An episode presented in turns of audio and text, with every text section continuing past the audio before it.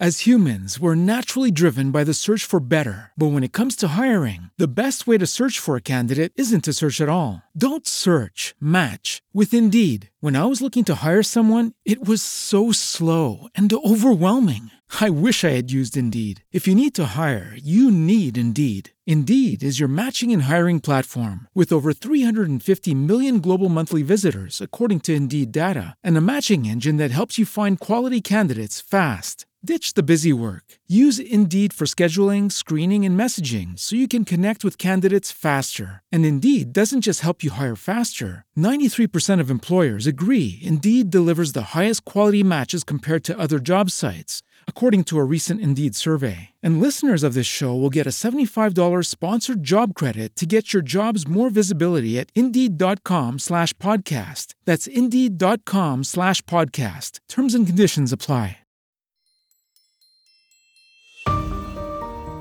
Zacznijmy od pytania wyjaśniającego dla osób, które nie są biegłe informatycznie i nie mają kontaktu z nowoczesnymi technologiami.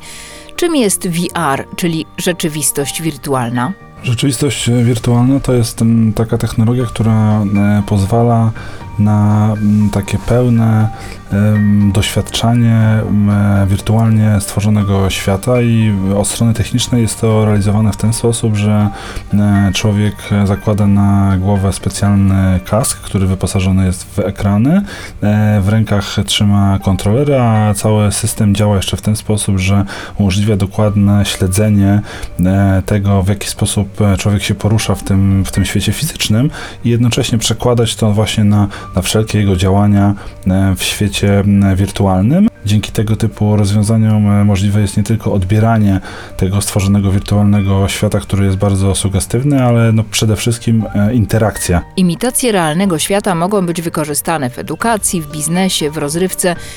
Kiedy po raz pierwszy VR została użyta? Pierwsze idee dotyczące rzeczywistości wirtualnej pojawiały się w w umysłach autorów e, science fiction już dość dawno temu. Takie pierwsze, pierwsza książka, która uznawana jest za początek wirtualnej rzeczywistości, to są Pygmalion's Spectacle e, Stanleya Weinbauma z 1935 roku, w której właśnie występuje taki pomysł, że dzięki specjalnym goglom można przenosić się do wirtualnych światów, które nie tylko się widzi, ale też odczuwa. No i w tym kontekście oczywiście trzeba wspomnieć też o E, Stanisławie Lemie, który e, również e, w, w latach 60. w swojej książce proponował coś, co nazwał fantomatyką. I to też w zasadzie wizja wirtualnej rzeczywistości. Jeśli chodzi o rozwiązania bardziej konkretne, technologiczne, to, to też w latach 60., 70. pojawiały się takie urządzenia, które próbowały symulować wirtualny świat, zbudowane właśnie z monitorów, z siłowników, które, które jakieś tam wrażenia przekazywały, też wiatraków rozpylaczy perfum i tak dalej. E, natomiast tak naprawdę tego typu urządzenia, które my badamy w swoich badaniach, dostępne są dla szerokiej publiczności od kilku lat i to jest o tyle istotne, że w przypadku tych e, urządzeń bardzo mocno zmienia się jakość e, tego doświadczenia z punktu widzenia użytkownika dzięki możliwości śledzenia ruchu całego ciała w przestrzeni. To rozwiązanie jest zupełnie czym innym niż te rozwiązania które nazywane wcześniej były wirtualną rzeczywistością i z tego powodu na tę technologię e, używa się określenia imersyjnej rzeczywistości wirtualnej właśnie dlatego, że zapewnia tą tak zwaną imersję, czyli zanurzenie w ten świat wirtualny. Badacze z Laboratorium Interaktywnych Technologii w Ośrodku Przetwarzania Informacji Państwowym Instytucie Badawczym zbadali pierwsze reakcje osób po kontakcie z wirtualną rzeczywistością. Ciekawa jestem, jakie są wyniki Państwa analiz. W tych badaniach brały udział osoby w różnym wieku, od dzieci aż do osób starszych i okazało się, że w każdej z tych grup takim jednym bardzo istotnym elementem było to, że użytkownicy postrzegali tą technologię jako taki środek do, do przenoszenia się do, do innego świata, a nie jako konsumpcję e, tych serwowanych przez komputer obrazów czy doznań. I to jest, to jest o tyle istotne, że w przypadku właśnie tradycyjnej interakcji człowieka z komputerem, która no, głównie e, przebiega poprzez ekran, tak? Będąc po jednej stronie użytkownikami, jesteśmy konsumentami tych treści, które, które prezentowane są na ekranie i jakby ta, oczywiście jakaś interakcja jest, jest tam możliwa z naszej strony, to jest jasne, natomiast w przypadku rzeczywistości wirtualnej to diametralnie się zmienia i to jest założenie hełmu i wejście do, do tego wirtualnego świata jest postrzegane przez użytkowników jako przenoszenie się. Kiedy zdejmują ten hełm, to to jest wrażenie, że my wracamy do tego realnego świata.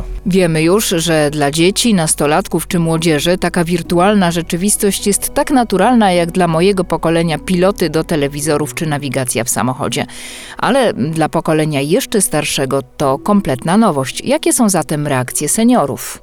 Tak, tutaj było ciekawe, że mm, jeśli chodzi o właśnie ten odbiór i to poczucie przenoszenia się i mm, przebywania w wirtualnym świecie, to również u osób starszych ten efekt e, występował, natomiast e, spora różnica, jeśli chodzi o reakcję w poszczególnych grupach e, wiekowych, polegała na tym, jak bardzo osoby wchodziły w, w interakcję z tym światem, bo ile dla, dla dzieci rzeczywiście te, ten świat wirtualny jest taki bardzo naturalny i one momentalnie chcą w, właśnie wszystko wszystko, wszystkiego dotykać, sprawdzać e, bez problemu, orientują się w tym, że rzeczywiście mogą być sprawcami e, działań, będąc w tym świecie wirtualnym. To w przypadku e, osób w starszym wieku to jest trochę, to przychodzi trochę wolniej, tak? Czyli tutaj rzeczywiście te takie poczucie, być może to właśnie wynika z tego, że przez całe swoje życie osoby starsze miały raczej do czynienia z tymi technologiami, w których użytkownik raczej pozostaje bierny, więc jakby trudniej przestawić się w ten sposób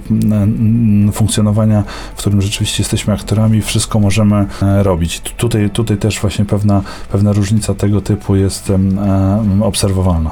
Czy nie przeraża Pana fakt, iż są kraje, w których ta rzeczywistość wirtualna, zwłaszcza teraz, w czasie pandemii, zastępuje normalne, realne postrzeganie świata? kobiet, seksu, zabawy czy nawet latania na paralotni, jakie są minusy? Tak, oczywiście y, pewne problemy mogą występować, jeśli chodzi o tę, o tę technologię, no, zarówno na poziomie takim czysto, czysto fizjologicznym, no, wiemy o istnieniu czegoś takiego jak cyber sickness, czyli to jest taki rodzaj zespołu e, różnego rodzaju nieprzyjemnych doznań. E, wcześniej, e, jeszcze zanim e, wirtualna rzeczywistość się, cyber sickness, czyli to jest taki rodzaj zespołu e, różnego rodzaju nieprzyjemnych doznań. E, wcześniej wcześniej, y, jeszcze zanim e, wirtualna rzeczywistość się e, pojawiła i rozwinęła, to podobne reakcye były badane w przypadku korzystania z symulatorów i były nazywane chorobą symulatorową.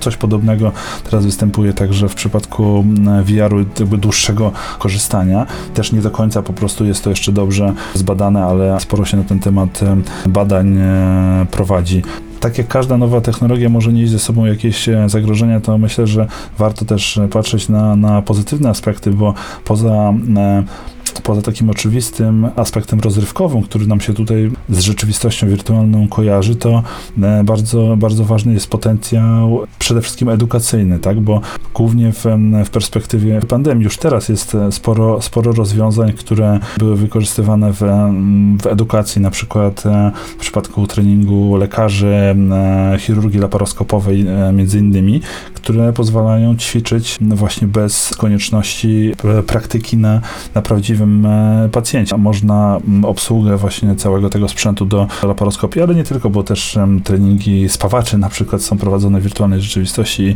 e, i szereg jeszcze innych, innych rozwiązań, także potencjał tutaj, e, jeśli chodzi o edukację i te rozwiązania, jest myślę bardzo, bardzo duży. Rzeczywistość wirtualna to starsza siostra rzeczywistości rozszerzonej. Czym one się różnią? Rzeczywistość wirtualna i rzeczywistość rozszerzona to dwie podobne technologie, ale jednak istotnie się od siebie różniące i, i myślę, że mające inne zastosowania. W rzeczywistości rozszerzonej chodzi w, w, dużym skrócie o to, że my dzięki specjalnym okularom jakby na świat, który już istnieje, nakładamy elementy, które są wirtualne, natomiast wirtualna rzeczywistość to jest jakby możliwość całkowitego, cał, całkowitej zmiany tego świata i no tak jak właśnie wiemy z naszych badań, przeniesienia się, tak, czyli jakby rzeczywistość rozszerzona może wzbogacić wzbogacić postrzeganie świata, w którym, w którym jesteśmy, natomiast rzeczywistość wirtualna umożliwia nam doświadczenie czegoś zupełnie innego, co jest niemożliwe, nieosiągalne w naszym świecie realnym. Na koniec podsumujmy, znamy już wszystkie plusy, minusy, no a co z aspektem poznawania tego drugiego człowieka? Jak rozwój technologii wpływa na naszą psychikę? Co radziłby Pan młodym rodzicom? Jak znaleźć ten złoty środek? Aspekt społeczny to też było coś, na co zwracały uwagę osoby uczestniczące w naszych eksperymentach i to jest rzecz bardzo pożądana i z tego powodu istnieją już systemy na kształt mediów społecznościowych, właśnie takie, takie miejsca spotkań wirtualnych, gdzie można z wykorzystaniem systemu wirtualnej rzeczywistości spotkać się z ludźmi, ale też właśnie od strony profesjonalnej zorganizować konferencje. Takie konferencje już się odbywają z racji pandemii większość e, konferencji naukowych musiała przejść na tryb zdalny i część z nich e, jest organizowana właśnie w, w, rzeczywistości wirtualnej. Także tutaj też jest olbrzymi, olbrzymi potencjał, a od, od kilku lat jeszcze mówi się, że Facebook e, zamierza stworzyć swój system Horizon, który będzie właśnie takim systemem mediów społecznościowych, e, który będzie się znajdował w wirtualnej rzeczywistości. No, w ostatnich e, latach Facebook przejął firmę produkującą, jedną z firm produkujących headsety, więc te plany są jak najbardziej realne, także przyszłość wirtualnej rzeczywistości będzie dotyczyć przynajmniej w pewnym stopniu social mediów.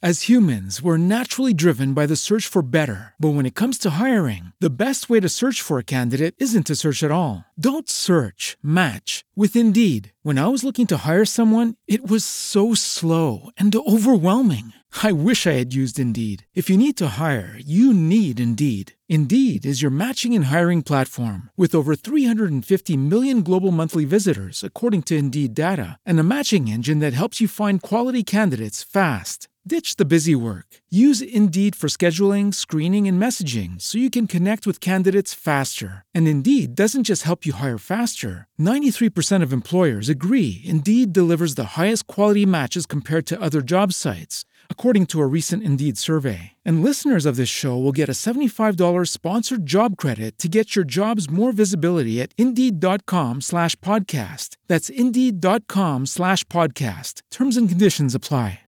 With lucky landslots, you can get lucky just about anywhere. Dearly beloved, we are gathered here today to. Has anyone seen the bride and groom?